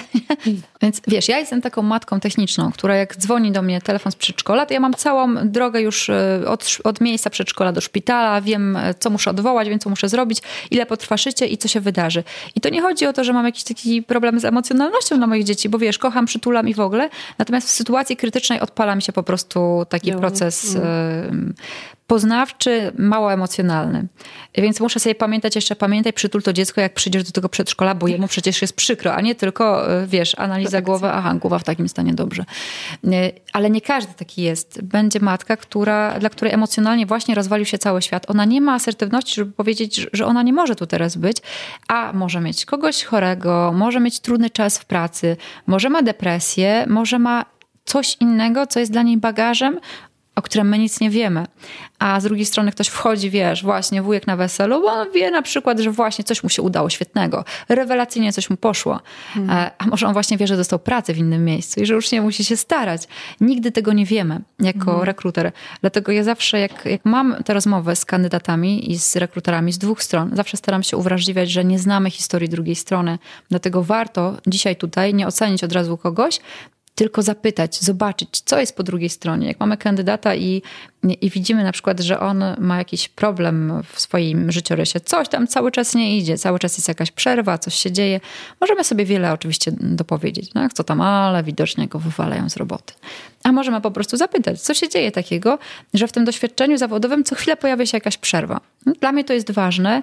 Kandydat czasem potrafi się obruszyć. A dlaczego to ma takie znaczenie? Hmm. Dlatego ja mówię, dlatego to ma znaczenie. I znowu nie obruszam się jako rekruter, że, że się czuję dotknięta, o jak się, tak, jak, to, jak ktoś, nie wiem, zarzucił mi coś. Tylko mówię, wiesz co, czy tam, wie pan co? Dlatego, że z mojego doświadczenia i z badań wynika, że powody zmiany pracy bardzo często się powtarzają. Więc jeżeli ja wiem na przykład, że e, praca, która pana męczy, to jest praca z drugim człowiekiem, bo na przykład nie chce pan mieć dużego, na przykład, nie wiem, zagęszczenia na, na e, open space, tak, na jakiejś otwartej przestrzeni, tylko woli pan sobie cichutko w pokoju popracować, to ja wolę to wiedzieć, bo jak ja pana potem włożę na open space, to się za trzy miesiące pożegnamy. Nie? Więc żeby sobie nie dopowiadać, z dwóch stron, nieważne gdzie jesteśmy, ale żeby zapytać tą drugą stronę i i nie odnosić wszystkiego do siebie, bo my często mamy taką tendencję, my ludzie, że jak ktoś nam coś powie, i to wcale nie musi być nic negatywnego, ale to może być coś, co w jakiś sposób będzie dla nas trudne, to od razu odbieramy to jako atak. A za każdym razem, mhm. kiedy to jest atak, no to pozostaje nam obrona. Okay. Albo atak. Wspomniałaś trochę o asertywności. A co jeżeli szef daje nam za dużo zadań? Jak odmówić, ale tak wiesz, żeby nie być postrzeganym jako osoba roszczeniowa albo jakaś mhm. problematyczna? Na pewno warto jest najpierw zaznaczyć swoje granice. Co jest moją granicą, co jest dla mnie ok, co nie jest dla mnie ok. E, czy dla mnie jest ok, kiedy ja zostanę o 16.05? Czy dla mnie to już nie jest ok, bo o 16.05 właśnie uciekł mi autobus i ja wiem, że nie zdążę właśnie po coś, co jest dla mnie ważne. E, czy ja po prostu lubię zostać dłużej w pracy, bo się czuję doceniana, bo lubię, jak organizacja rośnie, bo lubię, jak to się przekłada na moją premię, czyli takiego, bo, bo czasem się zdarza, że my się umartwiamy na zasadzie, o znowu, a potem się okazuje, że sami szukamy tych momentów, gdzie możemy zostać, tak? Bo, bo nagle, albo po prostu w ciągu pracy robiliśmy jakieś inne rzeczy i się okazało, że się nie wyrobiliśmy ze swoimi obowiązkami. Więc najpierw odkrycie swoich własnych granic, co akceptuję, a czego nie akceptuję. Jeżeli się okazuje, że, że mam za dużo, to mogę sobie zadać pytanie jeszcze jedno. Czy jest coś, co ja mogę zrobić, żeby się lepiej zorganizować? Mhm. Bo szef może mi dawać za dużo, a może szef nie wie, że ja po prostu od 12 do 12.30 oglądam Facebooka. No? Może nie być tego świadomy, że mi brakuje potem tych, tej pół godziny. Więc trochę na takiej zasadzie, co ja mogę zrobić lepiej w mojej pracy, żeby się zorganizować. Jeśli nie wiem, co mogę zrobić lepiej, to być może mogę zapytać mojego przełożonego. Słuchaj, mam dużo zadań, dajesz mi dużo, ale ponieważ ty masz większe doświadczenie, więcej, dłużej z tym pracujesz, myślisz, że jest coś, co mogę zrobić, żeby lepiej się zorganizować, żeby lepiej i szybciej zrobić te zadania. I to wcale nie znaczy, że ja się przyznaję teraz, że jestem beznadziejna i sobie nie radzę, tylko to znaczy, że ja szukam rozwiązań, żeby, mhm. żeby być bardziej efektywna. Bo zobacz, zrobiłam to, to i to, ale ciągle nie jestem w stanie się wyrobić z tym, co mi dałaś. Bo brakuje mi przynajmniej w ciągu dnia pół godziny, żeby móc zrobić wszystko na takim wysokim poziomie, jakiego oczekujesz. I wtedy możemy zapytać o poziom wykonania zadania, bo być może to, co dla mnie jest, jest y, doliną, dla ciebie jest górą. Czasem tak się zdarza, że ten poziom jest różny. E, tak jest na przykład przy osobach, które są e, perfekcjonalistami. Oni robią wszystko albo muszą zrobić wszystko perfekcyjnie. I z jednej strony fajnie, że mamy takiego pracownika, ale z drugiej strony może nie wszystko musi być zrobione perfekcyjnie. Może niektóre rzeczy muszą być po prostu zrobione. E, perfekcjonizm to jest w ogóle bardzo ciekawy e, obszar związany z, z, z też po części z pewnością siebie. E, ale jeżeli zadamy to pytanie w drugą stronę, to też trochę zostawiamy problem po drugiej stronie. No bo jeżeli ja mówię, słuchaj, Natalia, fajnie mi się z tobą pracuje, w zasadzie jest super, tylko mm, tylko ja mam tak za dużo zadań na, na godzinę dziennie, jakby za, za, dużo tych zadań dostaję. Czy myślisz, że mogę zrobić coś, żeby wykonywać te zadania bardziej efektywnie? To to nie jest już mój problem. Tylko to jest już bardziej też twój problem. Mm. On jest przynajmniej nasz. Ty się musisz nad tym zastanowić i musisz sobie pomyśleć, dobra, czy ja daję tej Agnieszce za dużo, czy ona jest za słaba? Jeżeli stwierdzasz, że jestem za słaba, to musisz mi powiedzieć o tym, że jest jakiś obszar, który ja muszę doszkolić. Możesz powiedzieć, wiesz co Agnieszka, wydaje mi się, E, że możemy sprawdzić, nie jestem pewna, ale, ale mam wrażenie, że ty dużo czasu skupiasz na tym, żeby się przygotować. Mhm. Zastanów się, czy na pewno musisz się tyle przygotowywać. Może jest tak, że jak się do czegoś tak nie przygotujesz, to pójdzie tak samo dobrze. Spróbujmy to. Nie? I, ty, I ja powiem do ciebie, dobra, okej, okay, spróbuję się mniej przygotowywać. Czyli zamiast przygotować się trzy godziny do jakiegoś tam, nie wiem, wystąpienia, to ja się przygotuję tylko godzinę i zobaczymy, jak wyjdzie. I może się okazać, że wyjdzie lepiej, niż wyszło w drugą mhm. stronę. Ja na przykład mam taką swoją życiową zasadę, że do niczego się nigdy nie przygotowuję. Nigdy. Do, do, żadnych zajęć. Oczywiście jak trzeba zrobić prezentację, żeby, żeby studentom dać materiały, to je robię. Czy do żadnych wystąpień. Nigdy, dlatego że, że wtedy bym nie była w stanie zmieścić wszystkich rzeczy, na których mi zależy. Więc po prostu eliminując jakieś rzeczy, eliminowałam przygotowanie. A ponieważ wyszło ciągle ok, dla mnie no to po prostu przygotowania nie ma. I teraz co możemy zrobić? A jeśli ty stwierdzasz, że Agnieszka nie jest jednak słaba, że nie jest tak, że, że coś możesz poprawić, to znaczy, że to jest twój problem, bo to ty dałaś mi o godzinę za dużo zajęć. Mhm. Więc jeżeli zaczynamy z kimś rozmawiać i, i pytamy go, co ty myślisz, że mogę zrobić w tym aspekcie, to dzielimy problem na pół przynajmniej. A teraz chwila przerwy. Jeżeli nadal tu jesteś, to znaczy, że odcinek Ci się podoba. Daj znać w komentarzu lub zostaw lajka i koniecznie zasubskrybuj nasz kanał. Dzięki temu dostaniesz powiadomienie, jeżeli pojawi się nowy odcinek. A przy okazji, na co dzień zajmuję się rekrutacją, więc jeżeli szukasz pracownika lub pracy marzeń, wejdź koniecznie na jobhouse.pl. Zainteresował mnie ten wątek perfekcjonizmu i pewności siebie. Rozwiń myśl. Perfekcjonizm przez bardzo długi czas był postrzegany jako jedna cecha, która jest początkiem ludzkiej tragedii. Tam mhm. przez psychologów jeszcze, jeszcze mm, przed przed, czy przed wojną, czy nawet y, z ubiegłego stolecia, gdzie jeżeli ktoś jest perfekcjonistą, bardzo możliwe, że skończy jako osoba, która ma wypalenie zawodowe, depresję, gdzie nie jest w stanie ciągle spełnić swoich własnych oczekiwań i ją to po prostu wewnętrznie zżera. I zrobiono ciekawe badania, które pokazały, że perfekcjoniści w jakiejś części są bardzo szczęśliwi. A więc dlaczego są szczęśliwi, skoro ich powinno zżerać? No jak, jak kogoś zżera od środka, to raczej szczęśliwy specjalnie nie jest. E, I zaczęto badać, czym tak naprawdę jest perfekcjonizm, z czego on się składa. I okazało się, że on się składa przynajmniej z dwóch aspektów. Z perfekcjonistycznych dążeń, czyli tego, że e, czy wyznaczasz sobie wysokie standardy wykonania? E, czy masz wyższe, bardziej ambitne cele niż inni naokoło? To są tego typu pytania. I z drugiej części z perfekcjonistycznych obaw, czyli co inni pomyślą o mnie. E, czy jest mi źle z tym, jeżeli nie wykonam jakiegoś zadania tak, jak chciałam? Czy, czy, czy wewnętrznie e, czuję, że, że to moja wina, czy się biczuję? E, czy myślę o tym, co mi nie wyszło? Czy wspominam to cały czas? Czy wstydzę się, że nie spełnię oczekiwań innych ludzi? Mhm. I teraz okazało się, że ludzie mogą mieć, każdy z nas jest uplasowany na tych dwóch obszarach na, na różnym poziomie. Ktoś może mieć wysokie perfekcjonistyczne dążenia, ale niskie perfekcjonistyczne obawy. I to jest taki perfekcjonizm, który został nazwany perfekcjonizmem adaptacyjnym. Czyli to jest właśnie ten aspekt, kiedy ludzie są szczęśliwi, kiedy oceniają swój standard życia jako taki, który ich zadowala, kiedy mają poczucie spełnienia, e, satysfakcji. No ale mamy tą, tą drugą część, czyli wysokie dążenia i mhm. wysokie obawy. Jeśli te obawy są wysokie, no to mam ciągle to poczucie bycia niedostatecznie dobrą. No nigdy nie będzie tak, jak, jak bym chciała, bo zawsze się pomylę, bo to jest też taka, tak, taka gotowość do tego, że co się stanie, jak się pomylę? Nie? Jakby osoba, która ma perfekcjonistyczne obawy na wysokim poziomie, stwierdzi, no to, to świat się zawali, nie? Pomylę się, to, to, to będzie mi z tym źle, to będę musiała to szybko naprawić, to ludzie to zobaczą, co ludzie o tym pomyślą. To jest też to myślenie, co inni o mnie myślą, nie? w jaki sposób inni mm, będą mnie oceniać. Ja cały czas myślę o tym, jak oni mnie oceniają, robiąc z nim, rozmawiając z tobą, myślę sobie, ojej, jak ty mnie oceniasz, jak ocenisz to słowo. To jest właśnie y, syndrom perfekcjonistycznych obaw. Czyli każda pomyłka sprawia, że moje poczucie pewności siebie spada. Mhm. Bo nie jestem tak dobra, a do tego wszystkiego jeszcze nie pozwalam sobie na te pomyłki. E, I to na przykład mi bardzo mocno pomogło, ponieważ jestem perfekcjonistą, perfekcjonistką nawet. E, to mi to bardzo pomogło dopiero zrozumienie tego, że mój perfekcjonizm w testach wychodził na średnim poziomie. Dlatego, że ja mam wysoki poziom perfekcjonistycznych dążeń i niski obaw. I jak je dodałam do siebie, to on ciągle wychodził i sobie myślę, jak to jest możliwe? No dobra, może dlatego, że jak otwieram swoją szufladę, to w niej jest bałagan. Pewnie to o to chodzi, nie? że jakby to jest to mhm. wymieszanie. Natomiast to tak nie działa. Może mieć bałagan w szufladzie, ale ciągle wysyłając jakąś prezentację czy, czy dokumenty, starać się, żeby to było zrobione naprawdę na wysokim poziomie. Mm, I jak okazało się, że jest coś takiego jak taki polski kwestionariusz właśnie perfekcjonizmu podzielonego na adaptacyjny, dezadaptacyjny, gdzie są dwa różne wskaźniki, to się okazało, że właśnie, że, że, tak, że jestem perfekcjonistą, tylko po prostu nie mam obaw, które są z tym związane. Ale y, między innymi to, co jest, to, co łączy perfekcjonistów, to jest pracoholizm, to jest, to jest jedna rzecz z której dobrze leczą dzieci. Witam w klubie. Tak, e, gdzie człowiek e, po prostu lubi i, i chce, bo lubi i, i zaczyna robić i, i, robi, i robi, ciężko mu skończyć. Dopiero kiedy rodzą się dzieci, to jest ten moment, kiedy mm. jakby musimy skończyć i to trzeba sobie z tym poradzić. To, to jest też trudne. Ale, mm, ale też to, że, że ta praca i identyfikowanie siebie i ocenianie siebie poprzez pracę, no ma dla nas znaczenie. Lubimy mieć to poczucie, że o, 30 razy się pomyliłam, ale jest ten sukces, tak? Coś wyszło, coś jest fajnego. E, ale też co nas łączy, podobno, tak przynajmniej mówią badania, e, to, że perfekcjoniści bardzo łatwo odcinają relacje. Mhm. I są w stanie zrobić to tak.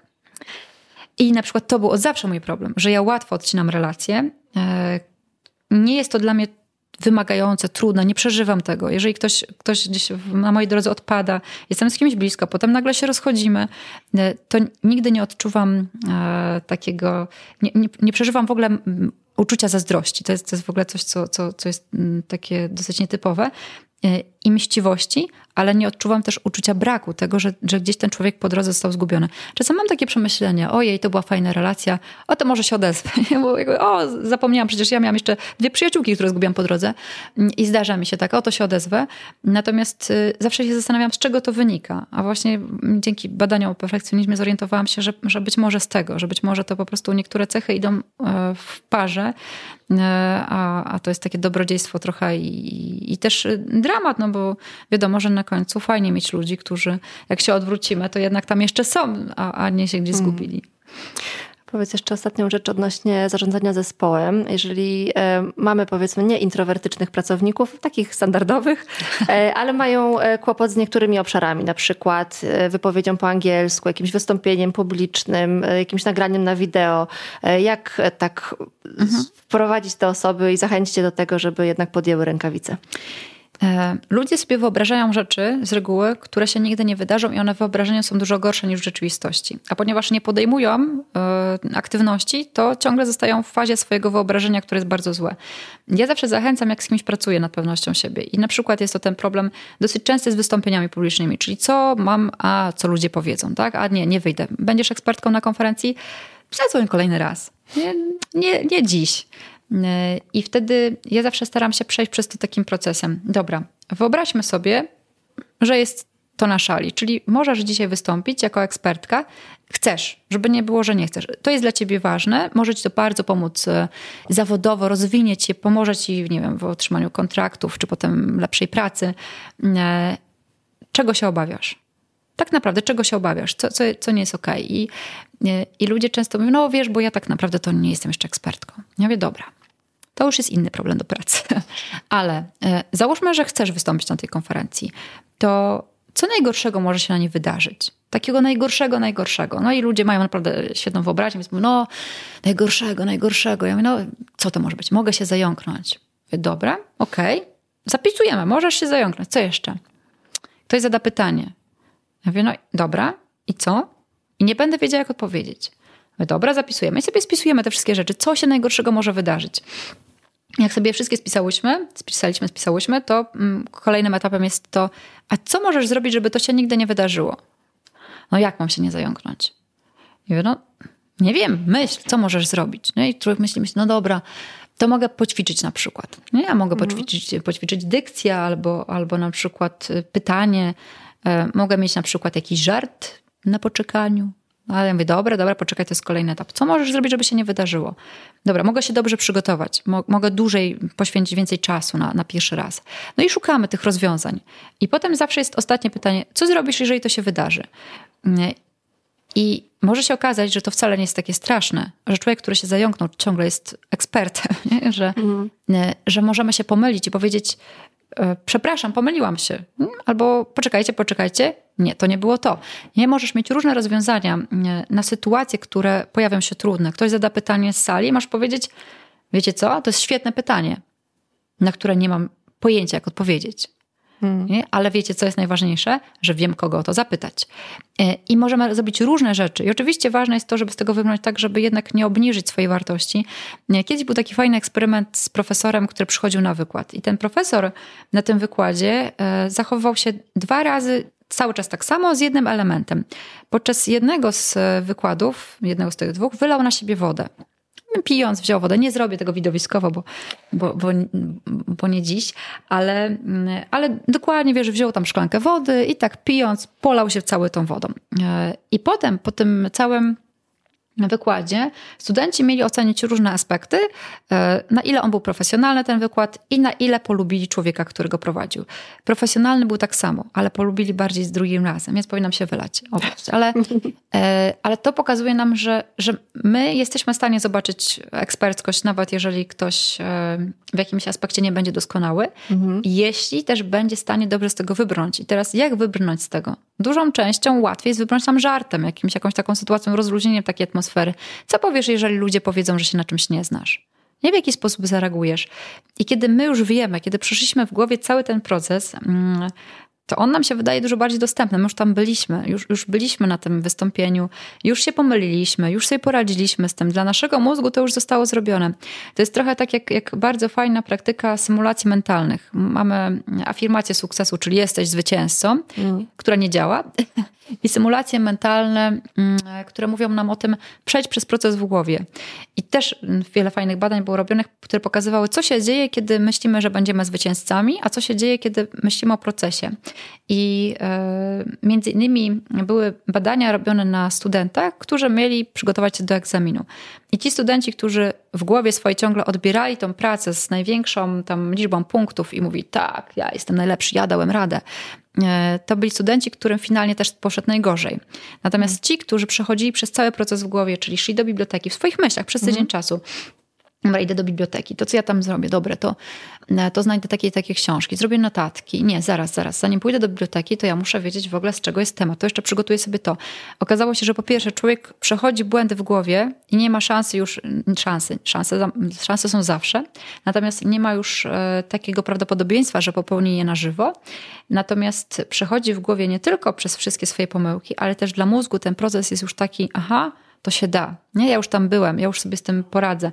Natomiast kiedy my ciągle jesteśmy tylko zwycięzcami, to nasz mózg się zaczyna usypiać. A, już wygrała Śladkowska. Nie, już, już tam nie musi się mhm. specjalnie spinać, bo przecież ona już to wygrała.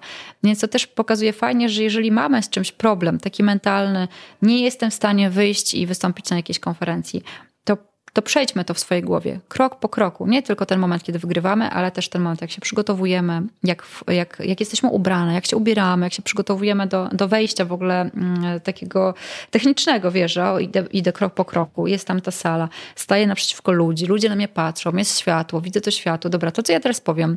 Ja tu teraz powiem im, fajnie, że tu jesteście i fajnie, że ja tu mogłam przyjść. No, jakby chodzi o to, żeby po prostu przejść ten proces w głowie, mm. bo mhm. wtedy będziemy spokojniejsi. Super pomysł. Więc to, to z takich Okej. Okay. A powiedz, e, kto cię inspiruje? Czy jest jakaś książka, którą możesz nam polecić, a może ktoś w mediach społecznościowych, którego, kogo obserwujesz, czy w temacie pewności siebie, czy może w jakimś innym, który jest dla ciebie ciekawy?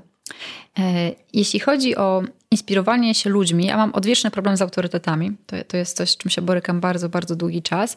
Natomiast mnie inspirują tacy całkiem zwykli ludzie, którzy robią rzeczy, które mm, które dla mnie często są bardzo trudne. Na przykład, nie wiem, jak oglądam sobie twoje rolki, e, to sobie myślę, że o, nie, to, to jest fajne, to, to jest fajne, kurde, ale ona jest odważna. I, tak, i co jakiś czas mam, mam takie przemyślenia, albo e, mam takie osoby, które mają cechy, których mi bardzo brakuje, czy na przykład taka zespołowość.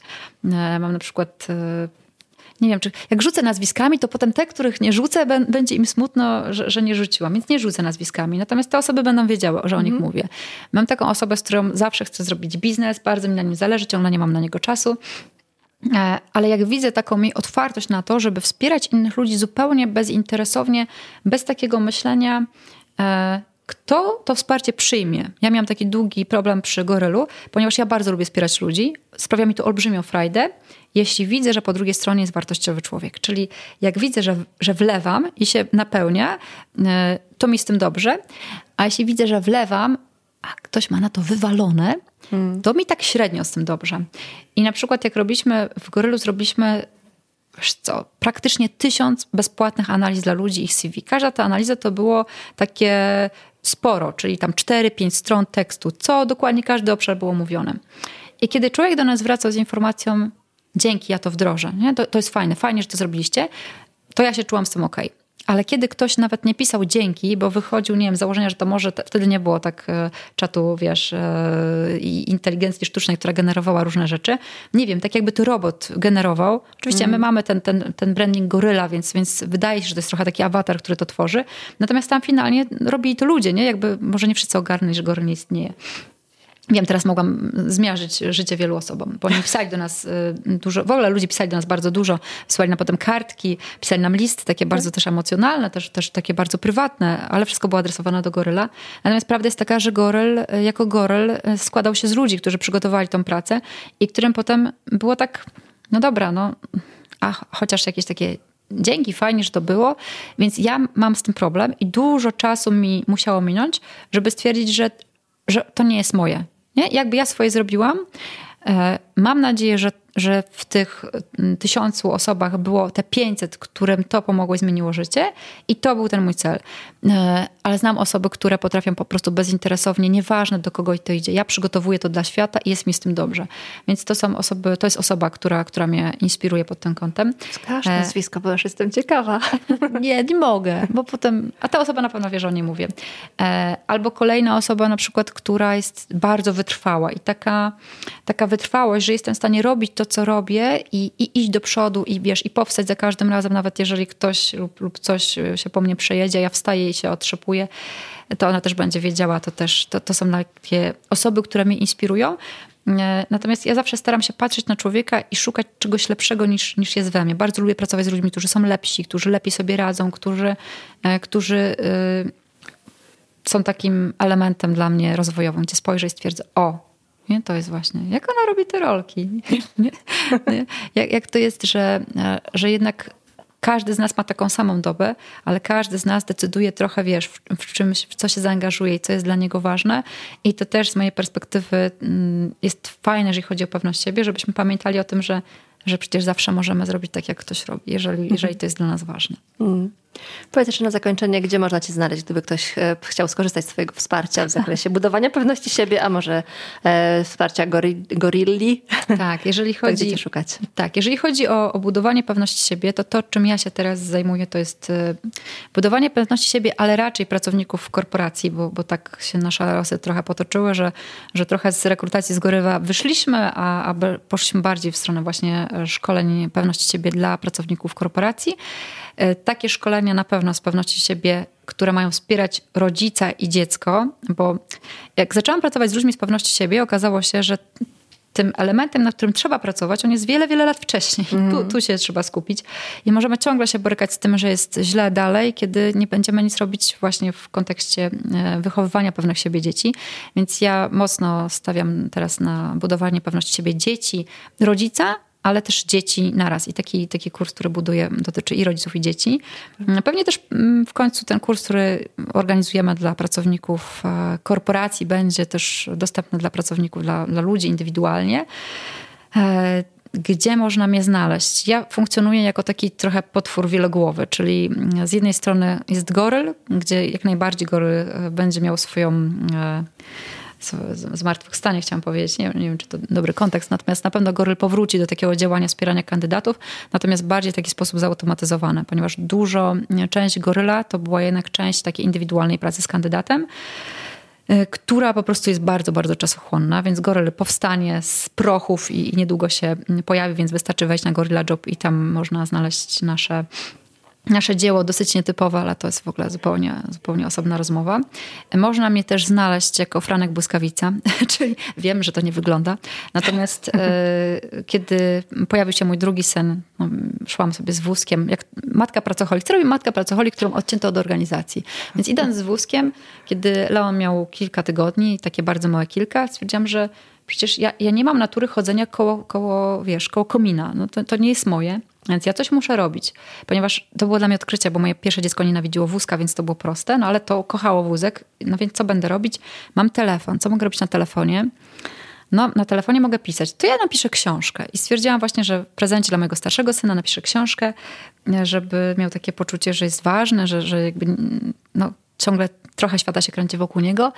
I napisałam książkę Franek Błyskawica. E, I tak po trzeciej wersji tej książki powiedziałam, kurde, fajnie się pisze. E, da się napisać na telefonie, to ja ją wydam.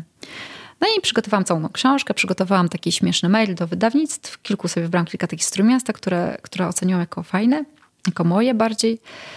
I spotkałam się z moimi znajomymi, takimi, którzy są redakcyjnymi znajomymi, którzy dobrze znają świat wydawania różnych książek. I mówię, a książkę wydaję. A oni mówią, ale jak? Mówię, no po prostu napisałam książkę, wysłałam do wydawnictwa, czekam aż się odezwą. I moi znajomi mówią, ale wiesz Agnieszka, że nikt nie wydaje książek takich autorów jak ty, w sensie nieznanych autorów. Ja mówię, nie, no jak? No, no tak, no to jest 3%. Ja mówię, aż 3%? To znaczy, że 3% to znaczy, że jest szansa. I, yy, i się okazało, że tak, że da się wydać książkę. Natomiast dlaczego o tym mówię? Dlatego, że to jest takie fajne podsumowanie naszego spotkania, bo mam olbrzymią liczbę znajomych, którzy mają niesamowite książki w szufladach i, i nigdy tej szuflady nie otwierają, mm. bo to mm. jest tylko 3%. E, Franek Błyskawica został wydany, e, potem drugi. E, teraz trzeci 1 czerwca zostanie, oh. zostanie wdrożony w, w sprzedaż Mój ulubiony to będzie i bardzo mi się podoba, jestem z niego dumna, więc, więc od razu zachęcam, jakby ktoś chciał. Natomiast yy, dlaczego to jest ważne? Dlatego, że bez tego pierwszego kroku, bo nie wiedziałam w ogóle, że jest taki problem z wydaniem książki, żeby ktoś ją wydał, żeby nie musiała za to płacić, żeby ktoś mi za to zapłacił, yy, to to, to często dobrze jest nie sprawdzać w ogóle, czy coś jest mm. możliwe, tylko zrobić to i zobaczyć dopiero potem, czy to jest możliwe, bo wszystko jest możliwe, czy wszystko, prawie wszystko jest możliwe, jeżeli w ogóle spróbujemy zacząć, jeżeli zaczniemy, jeżeli dokonamy jakiegoś działania. Jeżeli nie zaczniemy, to, to zawsze to pozostaną te 3% jakichś, jakichś ludzi. E, po e, pokazaniu Franka Błyskawicy, po tym jak on się opublikował, e, okazało się też, że jest producent, który chce zrobić scenariusz i napisaliśmy scenariusz do Franka Błyskawicy, który mam nadzieję, że w końcu zamieni się w film. Ale mnie to otworzyło do tego, że kiedyś bym nigdy nie pomyślała, że mogę napisać scenariusz. No bo scenariusz się pisze, kto pisze scenariusz? Scenarzysta po jakiejś akademii filmowej, po jakiejś szkole i po skończonym mm, konkretnym kierunkowym doświadczeniu. Natomiast teraz jestem na etapie, w którym napisałam scenariusz dla e, widza dorosłego i oczywiście tym trybem trochę, trochę specyficznym dla scenariuszy wysłałam ten scenariusz na konkurs. Tak samo zrobiliśmy z Frankiem, zresztą wygraliśmy e, nagrodę na e, w ramach takiego konkursu Script Pro, takiego dla, dla scenarzystów. Ale to też pokazuje, że, że po pierwsze zawsze musimy zacząć. Jak zaczniemy, to wtedy mamy szansę na to, żeby wyciągnąć wnioski, żeby nauczyć się na porażce, a jak nie zaczniemy, to, to się niczego nigdy nie nauczymy. I to, to jest tak. idealne podsumowanie naszej rozmowy. Dziękuję Ci bardzo, Aga, za bardzo wartościową rozmowę. Dziękuję, Natalio, że mogłam tu być.